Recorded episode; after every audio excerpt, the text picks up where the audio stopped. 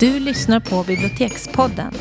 En podd från biblioteken i Halmstad som handlar om litteraturen, läsningen och livet. Det som pratar heter Elisabeth Skog och Jeanette Malm. Ja, hej och välkomna då till den här eh, hybridpodden får vi kalla det, för det var meningen att det var Bibliotekspodden som då är en podd från Halmstad stadsbibliotek som vänder sig till vuxna och vi pratar väldigt mycket om läsning och vuxnas läsande. Men min halva då som jag gör den här bibliotekspodden med tillsammans fick förhinder och då är det så lyckosamt att vi faktiskt har även en podd riktad till barn. Eller kanske inte till barn men till personer som kommer som har i kontakt barn. med barn. Ja, precis. Som heter Läs för mig och det blev nästan ännu bättre än om vi hade varit två vuxenbibliotekarier som skulle ha det här mm. samtalet för att det här är en fråga med, som i allra högsta grad rör faktiskt även barn. Och då är det Carolina Duraford. Välkommen. Mm, tack. Och vi ska då prata med Frida Hylander från Klimatpsykologerna. Vad är Klimatpsykologerna? Vill du berätta om er verksamhet? Ja, absolut. Eh, Klimatpsykologerna är en grupp psykologer som jobbar med alltså de, alla de psykologiska och beteendemässiga och känslomässiga aspekterna av klimat-, miljö och hållbarhetsfrågorna. Så att eh, det som rör eh, hur vi agerar i klimatfrågan, hur vi mår i klimatfrågan, hur kan vi kan ta hand om oss själva och ta hand om varandra i, i liksom, klimatkrisen. Eh, så vi gör, vi gör ganska många olika saker. Ibland är vi ute och konsultar på företag och organisationer eh, och hjälper eh, dem med, med sitt hållbarhetsarbete och för in de psykologiska aspekterna och beteendemässiga aspekterna i det där. Ibland skriver vi eh, texter och ibland skriver vi debattartiklar och är med och driver opinion. Vi folkbildar ganska mycket om klimatpsykologi och hur människor funkar i klimatkrisen. Eh, vi driver ett treårigt projekt på, eh, med Folkuniversitetet och Arvsfonden som riktar sig mot unga med jobbiga klimatkänslor. Eh, och där vi tar fram metoder, och material och övningar, upplägg för att stötta unga med eh, jobbiga klimatkänslor. Men också stötta vuxna som möter unga, så mm. lärare, mm. vårdpersonal och andra. Så. Um, ja, och vi är ofta ute och föreläser och håller workshops och hur många är på. ni? Du kommer ju resande från Malmö, men jag antar ja. att ni finns representerade i andra delar av Sverige också? Vi är fyra stycken. Fyra stycken. Och de andra är i Stockholm och Gnesta. Men det är väl Gnesta. nästan Stockholm. Ja. Mm, det är ju Carolinas ja. Okej, okay, ja. ja men där ser man. Ja men det är en, en av oss som har flyttat till Gnesta och köpt en gård. Mm. Mm. Ja, för jag, jag undrar, hur var fröet till den här verksamheten? Vad var det för frö som spirade? Mm. Ja, men vi, vi hade väl jobbat lite på, på olika håll utan att mm. veta om varandra. Eh, så jag som är verksam nere i Skåne hade hållit på där i flera år och gjort någon liten föreläsning här och var och så. Men för mig var det mycket när jag blev förälder, när jag fick barn eh, och mm. blev föräldraledig och med föräldraledigheten hade kanske mer tid att mm tänka och ta in omvärlden. Jag tänker när man får barn så kommer ju framtiden kommer mycket, mycket närmare. Mm. Eh, då hade, hade jag mycket klimatångest och kände att jag behöver göra någonting. Mm. Så då startade jag en sida som heter Klimatpsykologen. Så. Eh, och, men kände mig ensam i det för att jag tänkte att det är inga, inga andra psykologer som håller på med det här. Eh, men sen så blev det att, vi, att jag fick kontakt med då Kali och Kata som var de andra två som först var med. Nu är vi en till som heter Paula. Eh, men vi fick kontakt med varandra och bestämde att vi ville göra någonting ihop. Så då ändrade vi klimatpsykologen till klimatpsykologerna. så. Eh, och det här var precis innan den där jättevarma sommaren 2018. Mm. Eh, som vi började starta upp och klurade på vad vi skulle göra. Och sen så gick det väldigt, väldigt fort efter den sommaren för det blev ett sånt oerhört tydligt behov av att förstå. Vad är det som händer? Mm. eh, och hur, hur reagerar vi på det som händer? Och hur ska vi kunna leva i den här tiden. Så, så då blev, fick vi väldigt mycket att göra väldigt fort. Eh, och väldigt många journalister som ville ha svar på så här, vad gör vi för att mm. hantera alla de här skogsbränderna och den här hettan och den här torkan. Och, så eh, och sen så fick vi ganska snabbt ett bokkontrakt och eh, skrev då den här boken som heter Klimatpsykologi. Mm. den gagnade ut. ju er egentligen då den sommaren som alla plötsligt vaknade till och insåg att det här är inte normalt. Ja, gagnade och gagnade. Vi hade, ju, hade ju hellre önskat att den där sommaren inte... Mm. mm. Liksom, vi hade ju mycket hellre önskat att vi inte vore i någon klimatkris alls ja, och att vi hade kunnat ägna oss åt andra saker. Ja. Men jag tror så här, jag tror att, jag tror att det blev tydligt att, att det finns ett behov av att ta med de psykologiska och beteendemässiga aspekterna. Mm. För att under ganska lång tid, tid så har det funnits en väldigt så hög tilltro till att om vi bara förklarar för människor vad som håller på att hända, om vi bara förklarar att att temperaturen håller på att öka, eh, då kommer liksom den här förändringen att ske. Och sen har man förstått att men vi människor funkar inte så. Nej. Det räcker inte med att ge oss information och sen så gör vi de nödvändiga förändringarna. Det är mycket mer komplicerat än så. Mm. Så jag tror att det är någonting i, i den här frustrationen av att inte tillräckligt mycket har hänt ännu mm. som man har börjat förstå både här i Sverige men också internationellt att så, men vi, behöver ha, vi behöver ha med alla olika kompetenser i klimatarbetet. Bland mm. annat då den psykologiska kompetensen. Mm. Jag har en tanke, får jag säga det? Ja. Min dotter hade ett prov, min 11-åriga dotter, hon hade ett prov i klimat och väder. Ja. Och så satt och jag förhörde henne och sen så bara så sa hon den här, ställde hon den här frågan. Ja men om vi, vi, vi är som Greta här i Sverige idag. Finns det Greta i varje land? Eller mm. är det så, vad kan vi göra? För att hon kände att det blev så stort. Och det är så många människor som påverkar det här. Mm.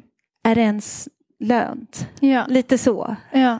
Ja. kom hon fram till. Just Vad ska det. vi göra? Vi är inte så många. Tänk om de gör massa saker där borta. I, mm. som hon sa, jag tror hon sa Australien eller vad hon sa. Hon slog till med något. Ja, ja. precis. Och det, um, det finns så att säga Gretor i väldigt många länder. Mm. I Australien inte minst ja. så har de en ganska eh, aktiv Fridays for Future-rörelse.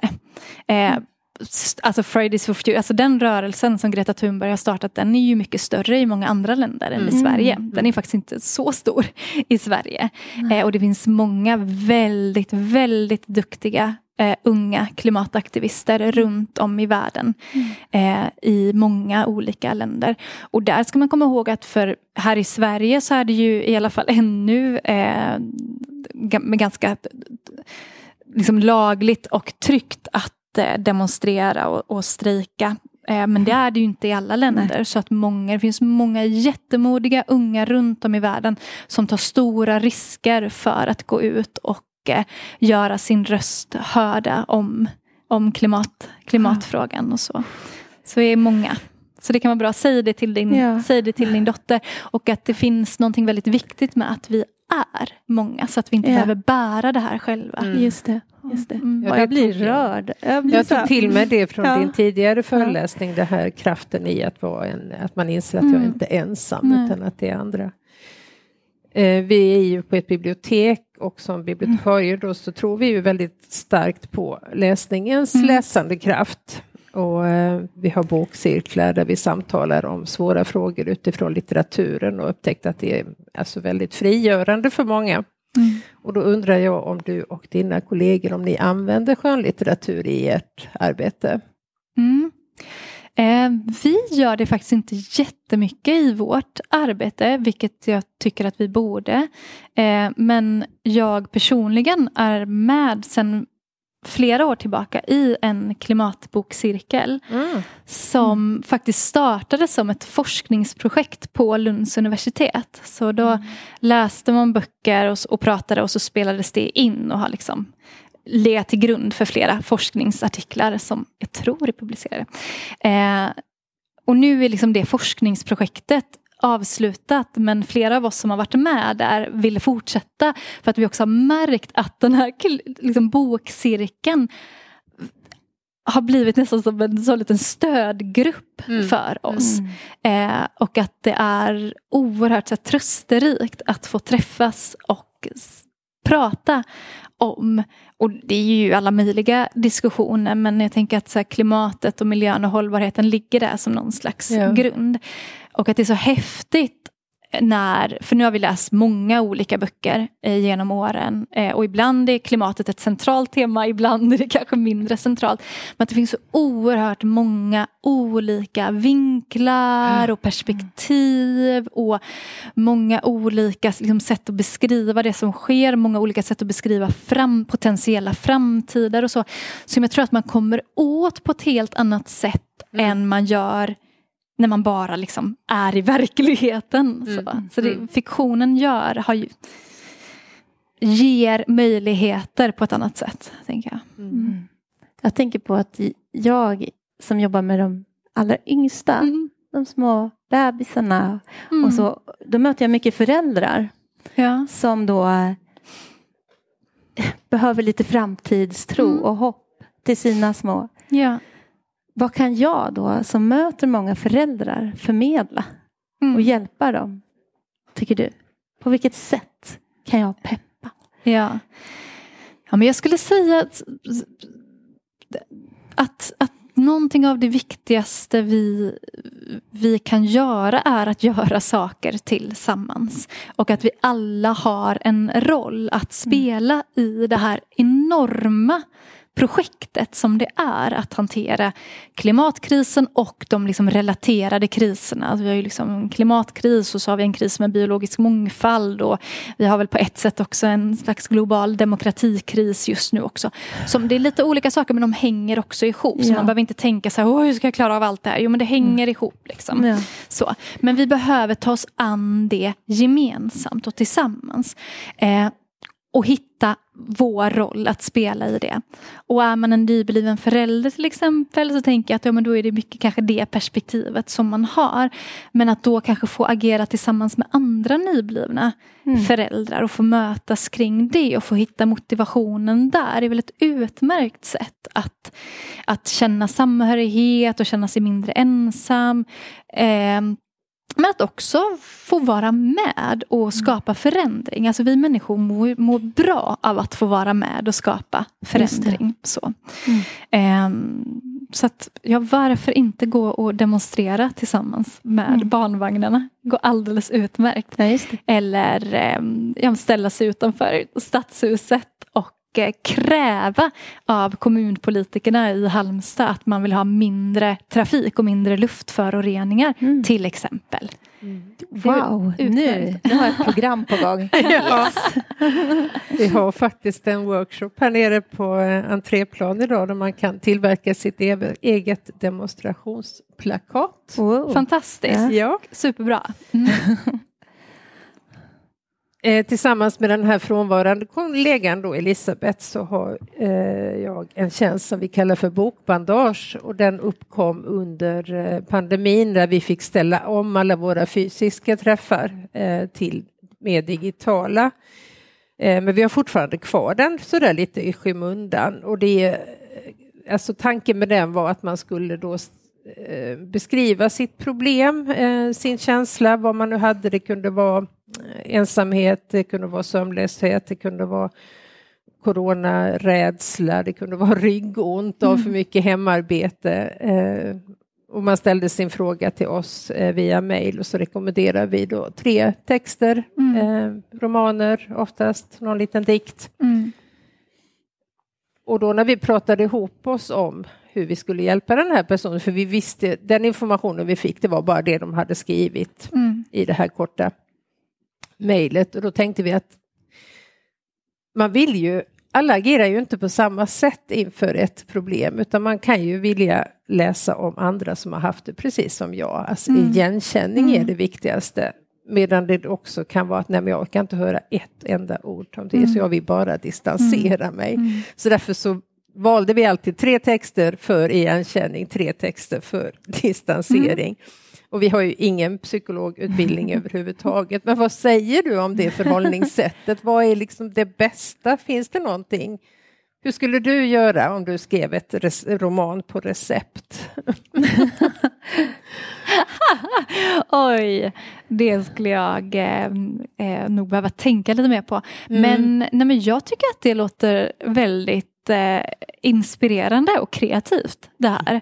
Mm. Eh, och jag skulle vilja säga att eh, jag tänker att det är någonting med att, så här, jag menar, att, att få läsa saker men det, det spelar också ganska stor roll så här, eh, hur man tar hand om det som kanske så dyker upp när man läser kanske möjligheten då att få så diskutera eller få liksom så hantera tillsammans ja. med andra efteråt. Så. Och det kunde vi ju inte på grund av pandemin nej, då, så nej, det blev nej. ju en envägs. Ja, ja, men bättre än inget. Ja men precis. Men för, och då tänker jag så här att för antagligen så kan, väcker det olika saker när man läser en text som man kan identifiera sig med jämfört med om man läser en text som är mer distanserande. Men därmed inte sagt att det nödvändigtvis ser bara liksom bättre med det som vi kan identifiera oss med. För ibland kan vi få fatt i grejer när vi, när vi stöter på saker som vi inte håller med om eller som vi inte känner igen oss i. Att vi kan komma åt andra grejer mm, där. Mm, så. Mm. så att, eh, ja. Men vad var er liksom, erfarenhet av det hela? Hur?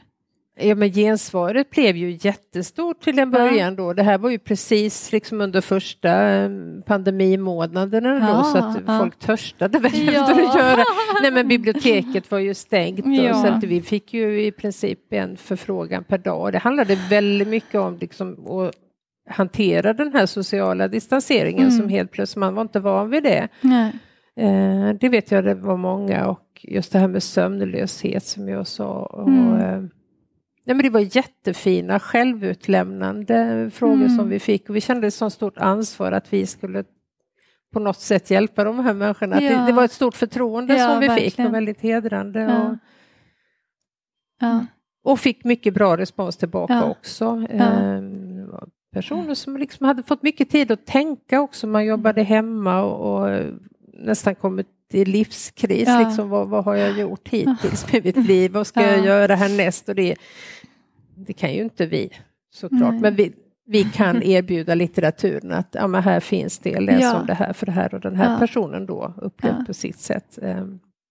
Men jag tänker att det finns någonting, och det låter som att det var verkligen den funktionen som ni fick fylla där i att, i att eh, lyssna på de här människorna och se dem och, och erbjuda någon slags sammanhang till dem i den här, mm. där i början av pandemin, där många kände sig så oerhört ensamma och isolerade och mm. oroliga för mm. att det var en helt ny situation. Man hade inte hunnit tröttna så mycket på det digitala då heller, utan nej, då funkade nej, nej. det fortfarande.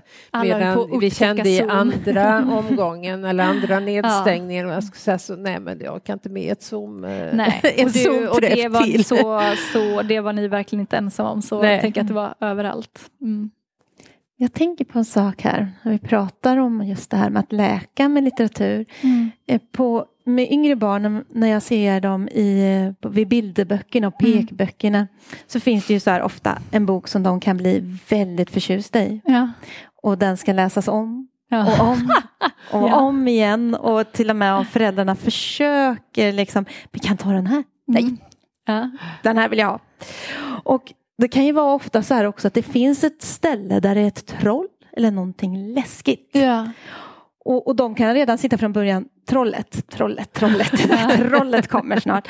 Och jag tänker just det på med, med rädslor, mm, det är som, som troll. Mm. Eh, och jag tänker äldre barn som blir mer kognitiva, som inte mm. är direkt med sina känslor. Ja. Hur kan man hjälpa dem med trollen? Förstod du min fråga? Ja, att, att möta trollen ja, eller att hantera jag möta, trollen. För att jag ser det, barnen är så direkta, de små ja. barnen, med att veta att det här behöver jag. Ja. Jag behöver den här, möta den här rädslan. Men när vi blir kognitiva och lite så i skolåldern, äh, men nu, nu, jag ska ju inte visa att jag är rädd eller att Nej. jag är ledsen eller att jag är arg på det här. Men jag kanske behöver möta de där trollen egentligen det, i mig själv. Men rädsla generellt har den inverkan på oss att den lite beroende. Vi, vi, vi, är ju olika bra på att hantera rädsla och vi, att, att hantera rädsla eh, har ganska mycket att göra med hur mycket vi liksom övar på att hantera mm. rädsla. Men rädslan i sig brukar ju ha den inverkan på oss att den får oss att vilja undvika det som är det. det läskiga. Mm. Så, och undviker vi det som är det läskiga, då försvinner det där jobbiga Just en liten det. stund. Och så känns det skönt och lugnt. Men sen kommer det ju tillbaka. Mm. Så vi blir liksom inte av med rädslan för att vi undviker det. Och om, om, om det enda sättet man eh, får lära sig att hantera rädsla på är genom att undvika det så kan det bli ganska jobbigt i längden. Mm. Så då blir rädslan blir läskigare och läskigare och livet blir mer och mer begränsat. Så, så så därför finns det ju någonting viktigt med att få hjälp i att då möta trollen, alltså mm. möta rädslan. Mm. Eh, både för att då se, men lite som man säger, när trollen kommer ut i ljuset så, så är de inte mm. lika läskiga som när de är där inne i dunklet. Så. Mm. Men också att vi då får möjligheten att, att att uppleva att jag, jag klarade detta. Mm. Det var läskigt men jag mm. klarade det. Mm. Och då kommer det inte vara lika läskigt nästa gång. Så, mm. så, så där tänker jag att det är, och det gäller för unga men det gäller ju för oss vuxna också. Ja, det finns ju gott om vuxna som, som undviker alla, mm. alla läskiga grejer mm. i livet och sådär. Mm, för jag, tycker, jag, tänker på de grekiska dramorna och det här med katarsis, om man skulle gå igenom det här. Ja. Mm. Ja. Och det kanske är där också bokbandage och litteraturen kan hjälpa till. Ja, att vi går igenom precis. rädslor genom litteraturen. Verkligen. Mm. Och kanske kan hjälpa oss att närma oss våra känslor på ett lite ett lite, vad ska man säga, eh, icke-farligt sätt. Ett lite mm tryggt sätt. Mm Så. Eh, för det är ju det, och det här med att möta trollen handlar ju också om att bli lite mer kompis med mm. sin rädsla. Att veta att den är där men jag kan göra det ändå. Jag tänker med små barn så pratar man ju väldigt mycket om att, att, att vara modig och att mm. öva på att vara modig. Mm. Och så, och vi applåderar liksom mm. barnen när de är mm. modiga. Så. Men det behöver vi fortsätta öva på. Och vi vuxna behöver också öva på att vara modiga. Mm. Och ska vi pr prata om klimatkrisen så behöver vi mm. verkligen öva på att vara modiga. Ja. I allra högsta grad. Mm. Eh, många längtar ju efter mer mod och att andra ska visa mod. Och visar andra mod så är det lättare för fler att visa mod. Mm. Jag tänker också att barnlitteraturen idag, och speciellt den svenska barnlitteraturen, är ju helt fantastisk. För det finns ju böcker om precis allting. Mm. Om du har svårt att hitta en ingång till ett svårt samtalsämne mm. så kan du ju göra det via litteraturen. Mm.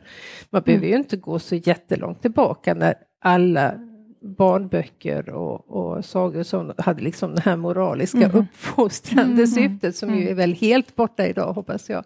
Idag finns det ju så fantastiskt mycket oavsett vilket ämne du vill prata om. Verkligen så. Verkligen så. Men för jag tänker på, om vi pratar ungdomar, att våga. Det är också, där är också att liksom höra ihop. Det är väldigt mycket det här att jag vill känna att eh, jag duger. Mm. Och jag vill mm. inte liksom sticka i ögonen på andra eller Gud, nu, nu är hon där. Och så, mm. jag men, det jag bara ser på Barnkanalen, jag såg något min ena dotter titta på och eh, då, då handlade det om, då var det en stereotyp miljöaktivisten i klassen. Mm. Och alla tyckte att hon var rätt nördig och mm. fånig och så. Och det var inte så hippt liksom. Mm. Så då började vi prata lite om det att vågar man, ja, hon heter Greta också, ja. så får höra ganska ofta då, ja. är du klimataktivist eller? Ja. Det där att, att barn och unga kan vara rätt taskiga mot varandra och mm. säga det på ett nedvärderande sätt. Mm. Så att, jag tänker på dina killar du pratade om också, mm. som, gymnasiekillarna mm. som är rädda. Men de, är, de tyckte också att det är rätt Alltså, de vet inte ens hur de ska förhålla sig. Det, det där tror vi inte på. Eller, men de, de, ser dig och märker att vi kan ju faktiskt prata med henne. Hon mm. kanske hon har någonting här åt oss. Det är så här direktverkan ja, ja. istället. Mm. Precis. Ja men precis, det där är svårt. Jag tänker att vi människor, och det, återigen det gäller för, för, för unga men det gäller ju också för oss vuxna. Vi är väldigt så här uppmärksamma på hur gör människor runt omkring oss. Vad är okej, vad är inte okej? Eh, vad, vad, vad ger status, vad ger Mm. inte status?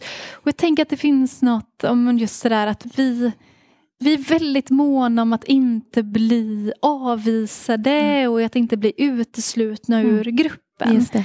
Eh, och det är, eh, för det gör så himla ont att bli avvisad och bli utesluten. Och då krävs det ju enormt mycket mod för att våga stå kvar.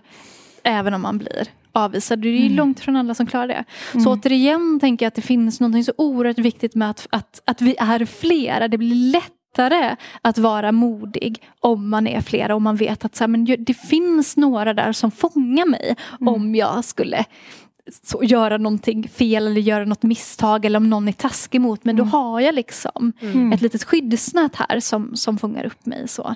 Men det är väldigt svårt eller mycket svårare att, att vara modig om man är helt, helt själv. Och alla andra vänder sig mot en. Just det. Mm. Just det. Så hitta sammanhang, hitta Mm. kompisar. Ja. Och det har ju blivit så mycket enklare idag med internet att där Mm. kan man ju oavsett Ja. var du bor så kan du ju hitta någon gemenskap någonstans. Ja. Det kan ju inte varit så lätt tidigare. Hur ska jag kunna veta att det finns någon som jag i Nej. Gnesta? Nej, just det. Nej men verkligen. Mm. Bibliotekspodden Läs för mig är ju det här så vi tänkte då som en sista samtalspunkt ge några boktips. Mm. Och vi har grävt djupt i hyllorna. Har vi det? Har du grävt djupt? Nej, Nej. det har jag inte. Men jag har i alla fall eh, mitt... för- Alltså, Jenny Offill kom några, den här kom 2021 och den heter passande nog Väder. Eh, anledningen till att jag blev intresserad av henne det var att hennes debutroman som heter Avdelningen för grubblerier. Tycker det är en ganska dålig titel på en helt fantastisk bok. Har ni inte läst den så tycker jag ni ska göra det.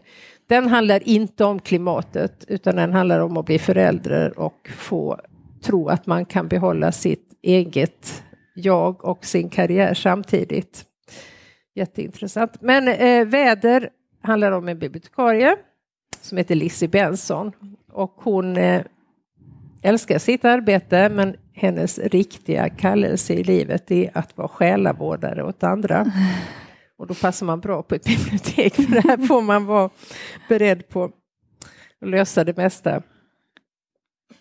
Eh, hon har då en gammal mentor som har en eh, blogg eller en podd tror jag det är till och med som heter Hell and High Water och den, eh, där vänder sig folk då med sin klimatoro.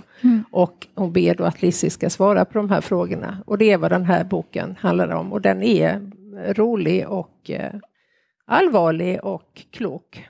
Du hade läst den, vi pratade om den lite Ja, innan, du tyckte ja. också om den. Ja, jag tyckte den var underbar. Mm. Ja. Har du läst hennes första? Nej, Nej, faktiskt. men gör det. Ja, jag ska göra det. Det säger jag till alla, att ni måste läsa. Men jag förstått För det. den har inte blivit sådär jätteuppmärksammad och är helt obegripligt för den är riktigt, riktigt bra. Mm. Jag ska ta Vad har. Carolina? Vi har den här Greta och jättarna och den är ju inspirerad av Greta Thunberg. Mm. Och det är så är Tucker och så är Pessico som har skrivit den och illustrerat. Och Greta bor i en vacker skog men den hotas ju av jättarna.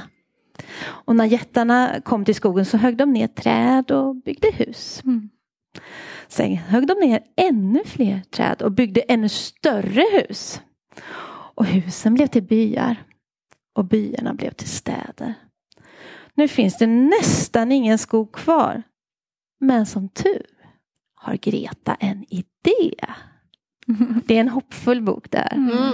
Och det är härligt med bilder och även som du säger hela tiden, även för vuxna Ja. så kan en bilderbok vara Ja. Oh, terapi. ja. Oh, ja. Um, mm. Om man, skänk, om man köper den, nu är vi på ett bibliotek, så ger, skänker man också pengar till Greenpeace. Ah, vad Ja. fint. Mm. Eh, Min andra bok kom 2021 och den är skriven av Jens Liljestrand som är kulturjournalist och nog mest känd för att han gav ut en väldigt uppmärksammad och prisbelönt biografi om Vilhelm Moberg och den heter Mannen i skogen. Det här är en roman och den heter Även om allt tar slut. Och den utspelar sig efter den här sommaren som vi pratade om 2018 som verkligen blev en mm. sån eh, väckarklocka för väldigt, väldigt många. Eh, man får följa ett antal personer som på olika sätt hanterar det här och också att man faktiskt måste fortsätta leva sitt liv även i skuggan av kanske en annalkande katastrof. Och han väver ihop de här berättelserna då eh, om personerna. En ganska tjock och mastig bok. Mm. Mm. Mm. Ska Kanske... säga det att det finns, alltså den här genren klimat eh, romaner och litteratur, den är, den är växande. Det finns verkligen hur mycket som ja, helst. Eh, diktsamlingar ja. och eh, barnböcker, ja. vuxenböcker. Mm. Men det är roligt, det finns ju inte så många böcker i en svensk kontext. Så det är roligt med Nej. den boken på det sättet. Sen kanske den boken är ett exempel på hur man önskar att folk inte ska hantera mm. krisen. Mm, det är för mycket flykt och för lite eh, agenda. Ja, jag vet Jag är ju en förespråkare av samarbete och vänlighet. Mm. Men ja, jag tänker man får läsa boken själv och ja. forma sin uppfattning om de här olika personerna ja. och hur de hanterar det. Ja. Mm. Mm, intressant. Rädsla, du pratade mycket om rädsla. Mm. Nicolas Jacquemot, och hur funkar det? Man kan vara rädd för att bli inlåst på toaletten. Ja, mm. Man kan vara rädd för att flyga. Man kan vara rädd för att eh, vara ensam. Mm. Och den här är väldigt bra och den är, har lite roliga bilder också i sig. det kan kännas som att vara rädd på olika sätt. Men också, vad säger du om att just prata om rädslor, läsa om rädslor? Kan det hjälpa barn och unga i den här eh, Ja, nej men absolut. Jag tänker så med många saker som, som vi kanske tycker är så lite krångliga som vuxna. Ju, alltså barn mm. tycker ju ofta att saker är mycket mer självklara ja. än mm. vad vi gör. Så mm. det är mm. väl min uppfattning att eh, man kan prata med barn om ganska svåra saker så länge man gör det på ett sätt som är anpassat till mm. deras ålder. Och mm. ofta tycker de att det är mycket mindre krångligt än vad vi tycker. Just det. Så att de är så här, ja. det är så, självklart, ja. men det här kan du lösa mamma. Ja, Kanske hjälper dig. Ja. ja, min sista bok är skriven av eh, biologen Stefan Edman. Eh, och den heter Bråttom men inte kört, frågor och svar om klimatet. Och det, det är en fackbok då till skillnad mot mina andra exempel. Eh, och det är just, eh, jag tror det är 150 eh, väldigt enkla, raka frågor som han utifrån sin expertis besvarar lika enkelt men inte förenklande. Eh, ja, men en fråga här, vilka är de globala tecknen? Och då radar han upp då att det är mer växthusgaser i atmosfären, det är det varmaste decenniet hittills och det är torka och det är så vidare. Men det är ingen domedagsprofetia på något sätt, för det är precis som titeln säger att han menar att nej, men det är inte kört, utan men vi måste förändra vårt sätt att leva. Och just den här sakligheten i alla de här frågorna och svaren tycker jag är, även om det är tunga eh, fakta så blir man ändå, alltså det är bättre att veta än att inte veta på något sätt. Så den kan jag rekommendera om man vill ha argument när man pratar också med klimatskeptiker. Mm. Jag vet Stefan Edman, han, han eh, ansågs som den hoppfulla forskaren ja. mm. Eh, när jag gick på lärarhögskolan. Mm. Och läste, så att, Men det är ju nödvändigt att förmedla hopp faktiskt. Ja. Eh, annars blir man ju som de här grabbarna som du mm. pratade med. Att det är fruktansvärt att vara ung och inte känna något framtidshopp. Mm, precis. Mm och precis förmedla hopp men också, och jag tänker i det där, och nu vet inte för jag har inte läst den här mm. boken, mm. men jag tänker att, att, eh, att det finns också någonting som, som relaterar till hoppet i att eh, tydliggöra vad vi kan göra ja. för att hoppet skapas mm. också när vi, när vi gör. Just det. Så. Så att inte hoppet är någonting då som, som ligger där borta som någon annan ska Nej. lösa utan att vi kan vara med i och att vi spelar roll i de besluten som fattas. Så. Mm, mm. Så varenda liten burk som pantas och varenda liten grej då kan ge hopp. Ja, de stora grejerna skulle jag säga ger hopp. Ja. Jag tänker på barn. Ja. För här ja. har vi 111 sätt att rädda planeten. Och då är det ju från den minsta lilla Ja. grej att göra Ja. till lite större saker. Och Ja. även då inse att eh, man blir friskare av att göra saker som är för många flera människor. Ja. Så den här, och den här har du varit med eller är med i. Precis, jag intervjuade i den boken. Ja. Mm. Så den här, var, även för er tror jag, alla, alla åldrar, för här har vi inga små.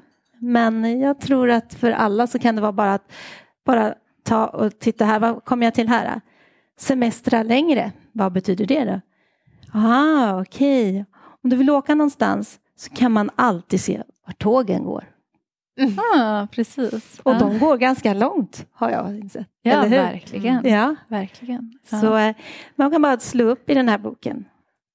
Och så får man enkla tips på att bli sådär klimatsmart. Men du sa någonting där, för det här med jag som med pantburken, det triggade någonting. Berätta! Det tycker jag var Nej, intressant. men jag, jag tänker så här att när, när vi pratar om vad vi kan göra för klimatet så måste vi alltid komma ihåg att där vi befinner oss idag, 2022, så har vi jättebråttom att göra jättestora Ja. förändringar. Eh, det, det är klimatforskarna är helt överens om det. Och då behöver det vi gör behöver liksom stå i relation till att vi har så bråttom. Ja. Hade vi suttit här nu på 70-talet Mm. så hade vi kunnat ta det liksom lugnare och kanske panta burkar och känna Mm, att vi, mm. vi ändå gjorde någonting. Så.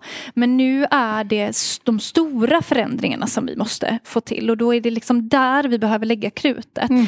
Ehm, och där kan det vara lite lurigt för oss människor för att vi kan inte, vi, det, vi känner inte alltid skillnaden mellan vilka saker som har större effekt och vilka saker som har liten effekt. Så Mm. Det kan kännas som att men om jag är jättenoga med min sopsortering kan det kännas som att jag gör någonting. Jag lägger jättemycket energi på min sopsortering och sådär. Men den har väldigt liten effekt på det. Så då kanske det är klokare eftersom vi inte har oändligt med tid och vi har inte oändligt med ork och man har liksom jobb och liv och allt sånt där. Eh, så att, att vi liksom tar den, den tiden och den kraften som vi har och försöker lägga den på det som vi tror har så stor påverkan som möjligt. Och då handlar det ofta om att påverka politiker och påverka företag och då behöver vi gå samman och så. Men med det sagt så skulle jag säga så här när man har med sina barn att göra då behöver vi kanske också fokusera på de här liksom mindre grejerna. Och för ens eget liv. Jag tänker att det finns något viktigt med att känna sig men jag har börjat anpassa mitt liv. Jag är helt lugn när, när de pratar om att vi inte kan flyga och inte kan äta så här mycket kött. Då är det helt lugnt för jag har redan gjort de förändringarna. Så det ger någon slags trygghet. Jag skulle också säga med barn att det finns något väldigt så här Eh, att det också är ett sätt att rusta barn Mm. i att eh, kanske så här, odla tillsammans och eh, liksom, åka elbil tillsammans eller och, ja, men panta burkar och att det också ger möjlighet att börja prata om det här. Mm. För, och barn och att ta med barn när man går och demonstrerar eller när man gör sånt. Det går alldeles utmärkt. Det brukar de tycka är jättekul. Så. Men vi som är vuxna och som har kanske mer eh, makt och möjlighet. Vi behöver nog verkligen fokusera kraften. Inte på att göra hundra små saker utan kanske på att göra en eller två stora saker som faktiskt ändrar de här stora politiska besluten. Det är där vi kan få till den här stora förändringen som vi faktiskt behöver göra. Mm. Så, om vi ska lita på forskningen och det tycker jag verkligen vi ska göra.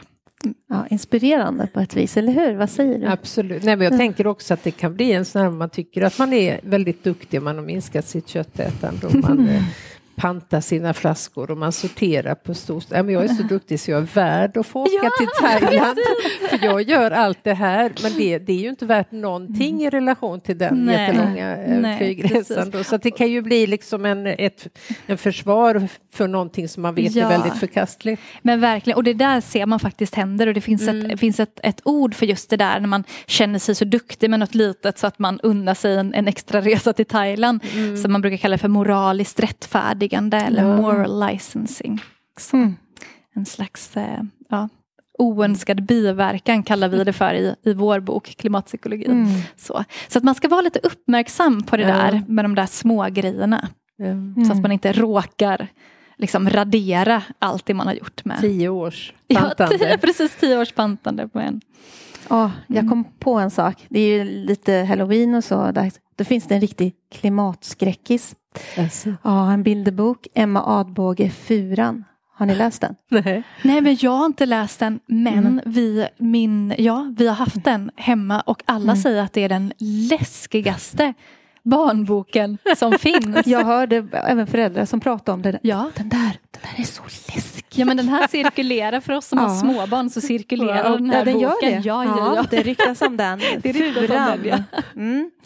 Den får ha varning. text. Jag har inte vågat läsa Nej, den. men den, den eh, berör. Alltså den, den ja, det, det är liksom hardcore.